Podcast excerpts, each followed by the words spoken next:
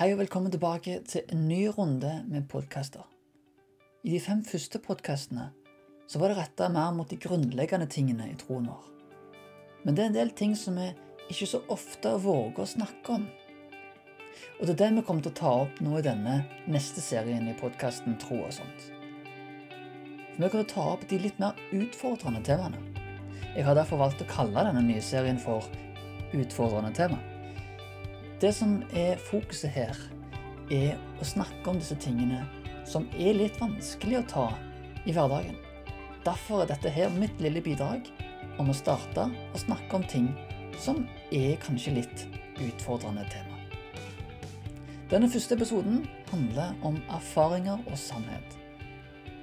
Vi står i fare for å la erfaringen vår stå foran sannheten i situasjoner, i det vi opplever. Jeg kan stå litt i fare for å virke litt sånn rimelig akademisk her, så har meg unnskyldt noen øyeblikk for å nerde litt i teologi. Men jeg lover å holde meg i nakken videre, så det er bare noen få øyeblikk med nerding. Så hold fast i kaffekoppen din mens vi tar et lite teologisk nerdedykk. Teologi er vår måte å forstå Gud på, på mange måter. Et veldig praktisk eksempel under den andre verdenskrig, når Hitler ledet Tyskland, så var faktisk en del av den tyske kirka å støtte Hitler i det som ble gjort, i alle fall i starten. Og du kan tenke deg at vi ser tilbake nå og tenker hva i alle dager var det de holdt på med? Vi kan ikke si at det er greit, det som skjedde der. Og det vel de aller fleste, håper jeg virkelig, vil være enige med det.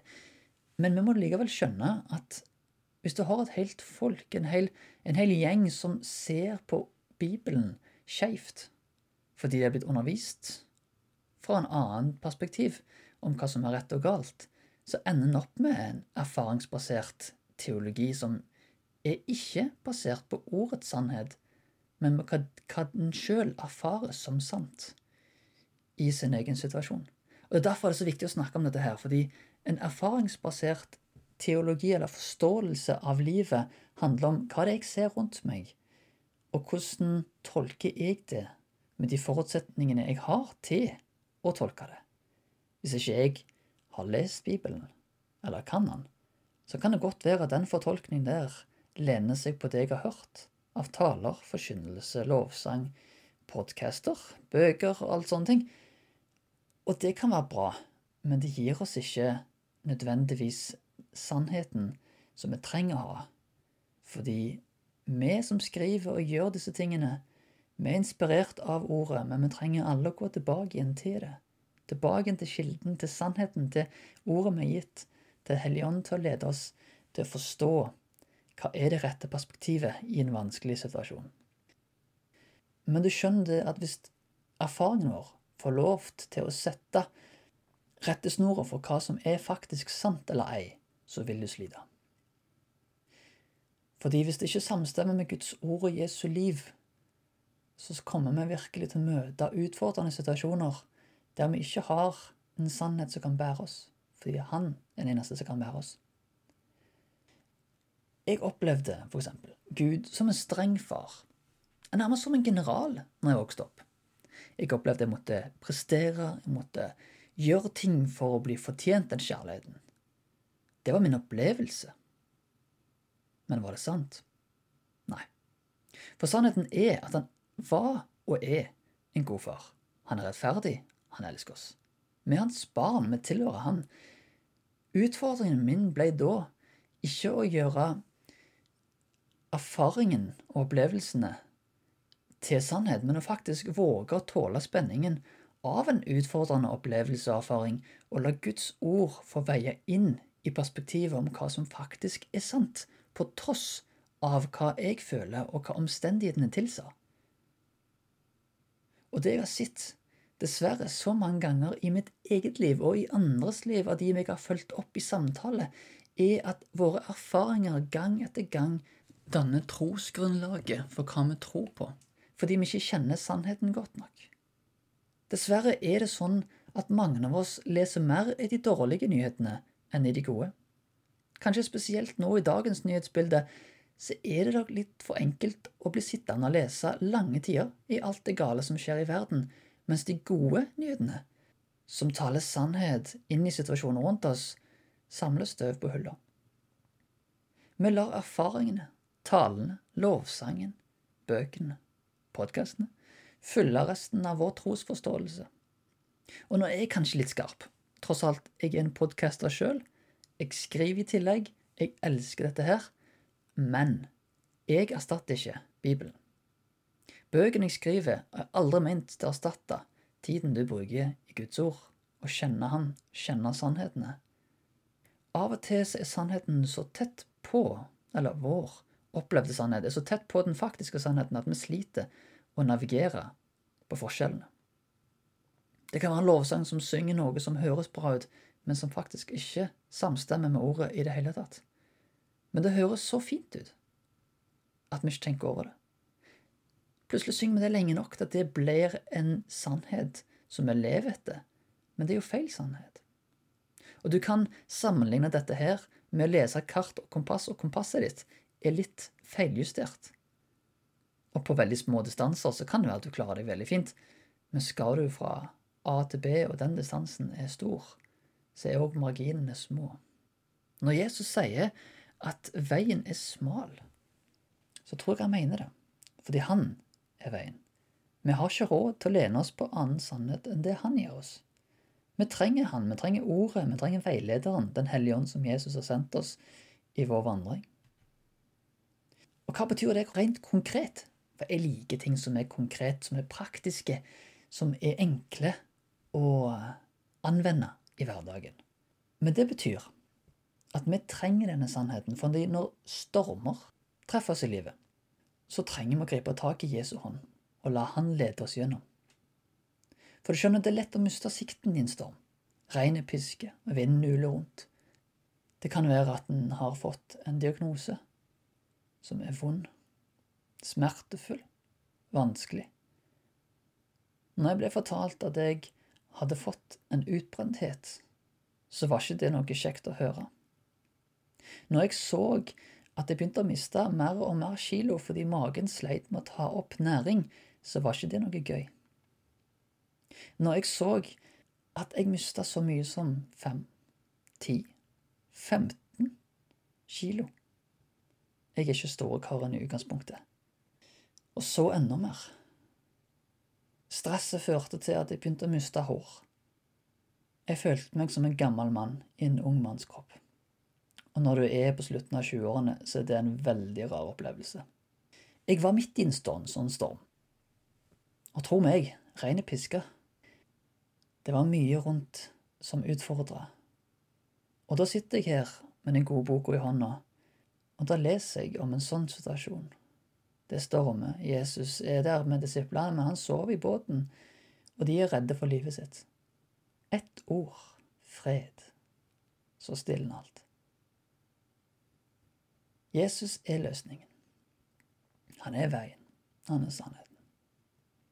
Gud ga meg et ord inn i den sesongen og det var så tydelig for meg da at jeg måtte klamre meg fast til det ordet. Og gjennom det så ga det håp, der det egentlig ikke var så mye. Når alt menneskelig sett tilsa at dette her kom til å gå feil vei, der enkelte var bekymra for at jeg hadde fått kreft, så visste jeg at dette ordet, det ville bære meg gjennom, fordi Jesus, han har kraft og autoritet til å bære oss gjennom disse tingene. Og det er det det handler om. Hvis vi ikke kjenner Jesus, hvis vi ikke kjenner til ordet hans, hvis vi ikke lar oss lede av Den hellige ånd, så han kan faktisk gi oss den sannheten han er meint å gi oss, så står vi i fare for at vi holder hånda til noen andre som ikke kan hjelpe oss gjennom disse stormene. For dette her er det jeg ville sagt til meg sjøl hvis jeg kunne reist tilbake i tid, langt tilbake i tid, før utbrentheten, når jeg var ungdom, yngre ungdom. Da ville jeg sagt til meg sjøl Einar, du må lære deg å kjenne Jesus mer enn du kjenner verden rundt deg. Du må la Guds ord bli en del av hverdagen din, om så bare litt og litt om gangen, men la det få være kilden til liv som den var meint å være i ditt liv. Det ville jeg sagt. For det er egentlig ikke vanskeligere enn det. Som jeg pleier å si, evangeliet, troen på Jesus, det er ikke komplisert, det er ganske simpelt. Men det er ikke enkelt. Det er krevende fordi du står i møte med verdens sannhet og må faktisk si nei til den enkelte ganger. Å leve etter en annen sannhet, ha tro på et håp som vi ikke ser. Men det er der det finnes liv. Det er der forandringen skjer. For du skjønner, når jeg var så ung, når jeg var i tenårene og tidlig 20-årene, så hadde jeg et bilde av Jesus som om han var en slags vaktmester. Det var han jeg tok kontakt med hvis det var noe galt. Han var i mitt liv, men jeg kan egentlig ikke si at jeg så på han som konge over mitt liv. Og når jeg leste evangeliet, og jeg mener når jeg satte meg godt til rette og tok tida til å gå gjennom de sjøl, så oppdaget jeg at mitt bilde av Jesus ikke stemte med sannheten. Jesus var jo langt mer enn bare en som hjelper oss i vår nød. Han er det òg, men han er jo vår konge, vår beste venn, vår storebror, vår medvandrer og vår frelser. Han har blitt prøvd i alle ting, så han forstår oss. Han døde på korset sånn at vi kunne få evig liv gjennom han. Han er mektig og hellig. Disse var nesten sånn ukjente ord for sånn jeg tenkte på Jesus før. En kan si det med det bildet at denne kosebamsen på denne kose-Jesus, som alltid var liksom sånn er der når en trengte han som liten klem, den forsvant. Og løva Jesus, fremdeles myk, fremdeles god, men ikke tam, som C.S. Lewis sier, tok den sted til bamsen. Og jeg vet ikke med dere, men jeg ville heller hatt en løve foran meg når ting ble utfordrende, enn en kosebamse. Det er langt flere sannheter som jeg fikk øynene opp gjennom årene som fulgte, og fremdeles er det det. Det var en del jeg faktisk måtte avlære meg etter mange år med nesten sanne sannheter. For greia er at hvis vi som troende ikke bærer tro, håp og kjærlighet, det som kun Jesus kan gi oss gjennom å kjenne Han og bli forma i Hans likhet, så vil heller ikke de rundt oss erfare det gjennom oss. Bærer vi på Hans sannhet eller verdens sannhet? Og hvordan kan vi vite forskjellen hvis vi ikke kjenner Han og ordene gitt oss? For jeg ønsker ikke å utfordre fordi jeg føler jeg har svaret. Jeg ønsker å utfordre fordi jeg opplevde å ikke ha svaret. Jeg har misforstått en del lenge fordi jeg har ikke gått til kilden, jeg har ikke gått til ordet sjøl. Jeg har latt andre gå der i stedet. Og det er fint at vi blir inspirert av hverandre. Det trenger vi. Men ikke la det erstatte tiden med deg og Gud. Helt i avslutningen nå, dette er en litt lengre episode, men det er fordi jeg ønsker å lese fra Efesene 4 til deg. Så sett deg godt til rette, og la Guds ord tale over deg. Og det var han, Jesus, som ga noen til å være apostler, noen til profeter, noen til evangelister, og noen til hyrder og lærere, for å utruste de hellige til tjeneste, så Kristi kropp bygges opp, inntil vi alle når fram til enhet i troen på Guds sønn og i kjennskapet til ham, og blir det modne mennesket som er fullvoksent og har hele Kristi fylde. Så skal vi ikke lenger være umyndige småbarn. La oss ikke kaste hit og dit og drive omkring med hver eneste vindpust av ny lære så vi blir et bytte for menneskers falske spill, forførende knep. Men vi skal være tro mot sannheten i kjærlighet, og i ett og alt vokse opp til Han som er hodet, Kristus. Ut fra ham blir hele kroppen sammenføyd og holdt sammen av hvert bånd og ledd, alt etter den oppgave hver enkelt har fått tilmålt, så kroppen vokser og bygges opp i kjærlighet.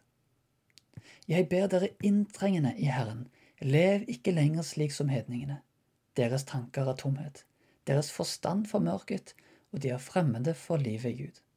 De kjenner ham jo ikke, og deres hjerter er forherdet. Men dere er ikke slik. Dere har gått i lære hos Kristus. Dere har hørt ham og fått opplæring i ham ut fra den sannhet som er i Jesus. Lev da ikke som før, men legg av det gamle mennesket som blir ødelagt av de forførende lystne bli nye i sjel og sinn. Kle dere i det nye mennesket som er skapt i Guds bilde, til et liv i sann rettferd og hellighet.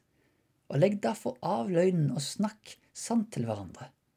Vi er hverandres lemmer. Ble dere sinte, så synd ikke. Og la ikke solen gå ned over deres vrede. Gi ikke djevelen rom. La ikke et eneste råttent ord komme over leppene. Si bare det som er godt, og som bygger opp der det trengs, så dere kan bli til velsignelse for dem som hører på. Gjør ikke Guds hellige ånd sorg, for ånden er det seil dere har merket med helt til frihetens dag. Vær gode mot hverandre, vis medfølelse og tilgi hverandre, slik Gud har tilgitt dere i Kristus. Jeg ønsker å etterlate dere med det. La ordet få tale for seg sjøl, og tillat noen ganger å bare lese ordet høyt for deg sjøl, uten å sette det i perspektiv av hva du har hørt før andre har sagt, men bare la det være aleine og tale sterkt og tydelig inn i enhver situasjon. Og jeg har fått så mye ut av å bare lese Bibelen høyt for meg sjøl, og selv om jeg ikke alltid forstår alt, og det er greit, Gud er Gud, og vi er ikke som det står, så kan jeg likevel få lov til å ta imot. Og det er få ting i livet som har vært mer livgivende enn det å bare sitte, lese ordet høyt for meg sjøl, og la sannheten bli talt over meg, og kjenne at sakte, men sikkert så skjer det noe i mitt hjerte, det skjer noe på dypet, og alle disse små stegene blir til store steg, og plutselig skjer det ting i hjertet. Vi må ikke glemme at vi er kalt til å kjenne Han og gjøre Han kjent, men det er fryktelig vanskelig å gjøre han kjent hvis vi ikke kjenner han. Gud velsigne deg inn i denne hverdagen, og jeg ber at Gud må lede deg inn i hans sannhet over ditt liv, og lede deg på den veien han har kalt deg i å gå. Ha en fantastisk dag, kveld, helg, morgen eller hva enn det er. På gjensyn.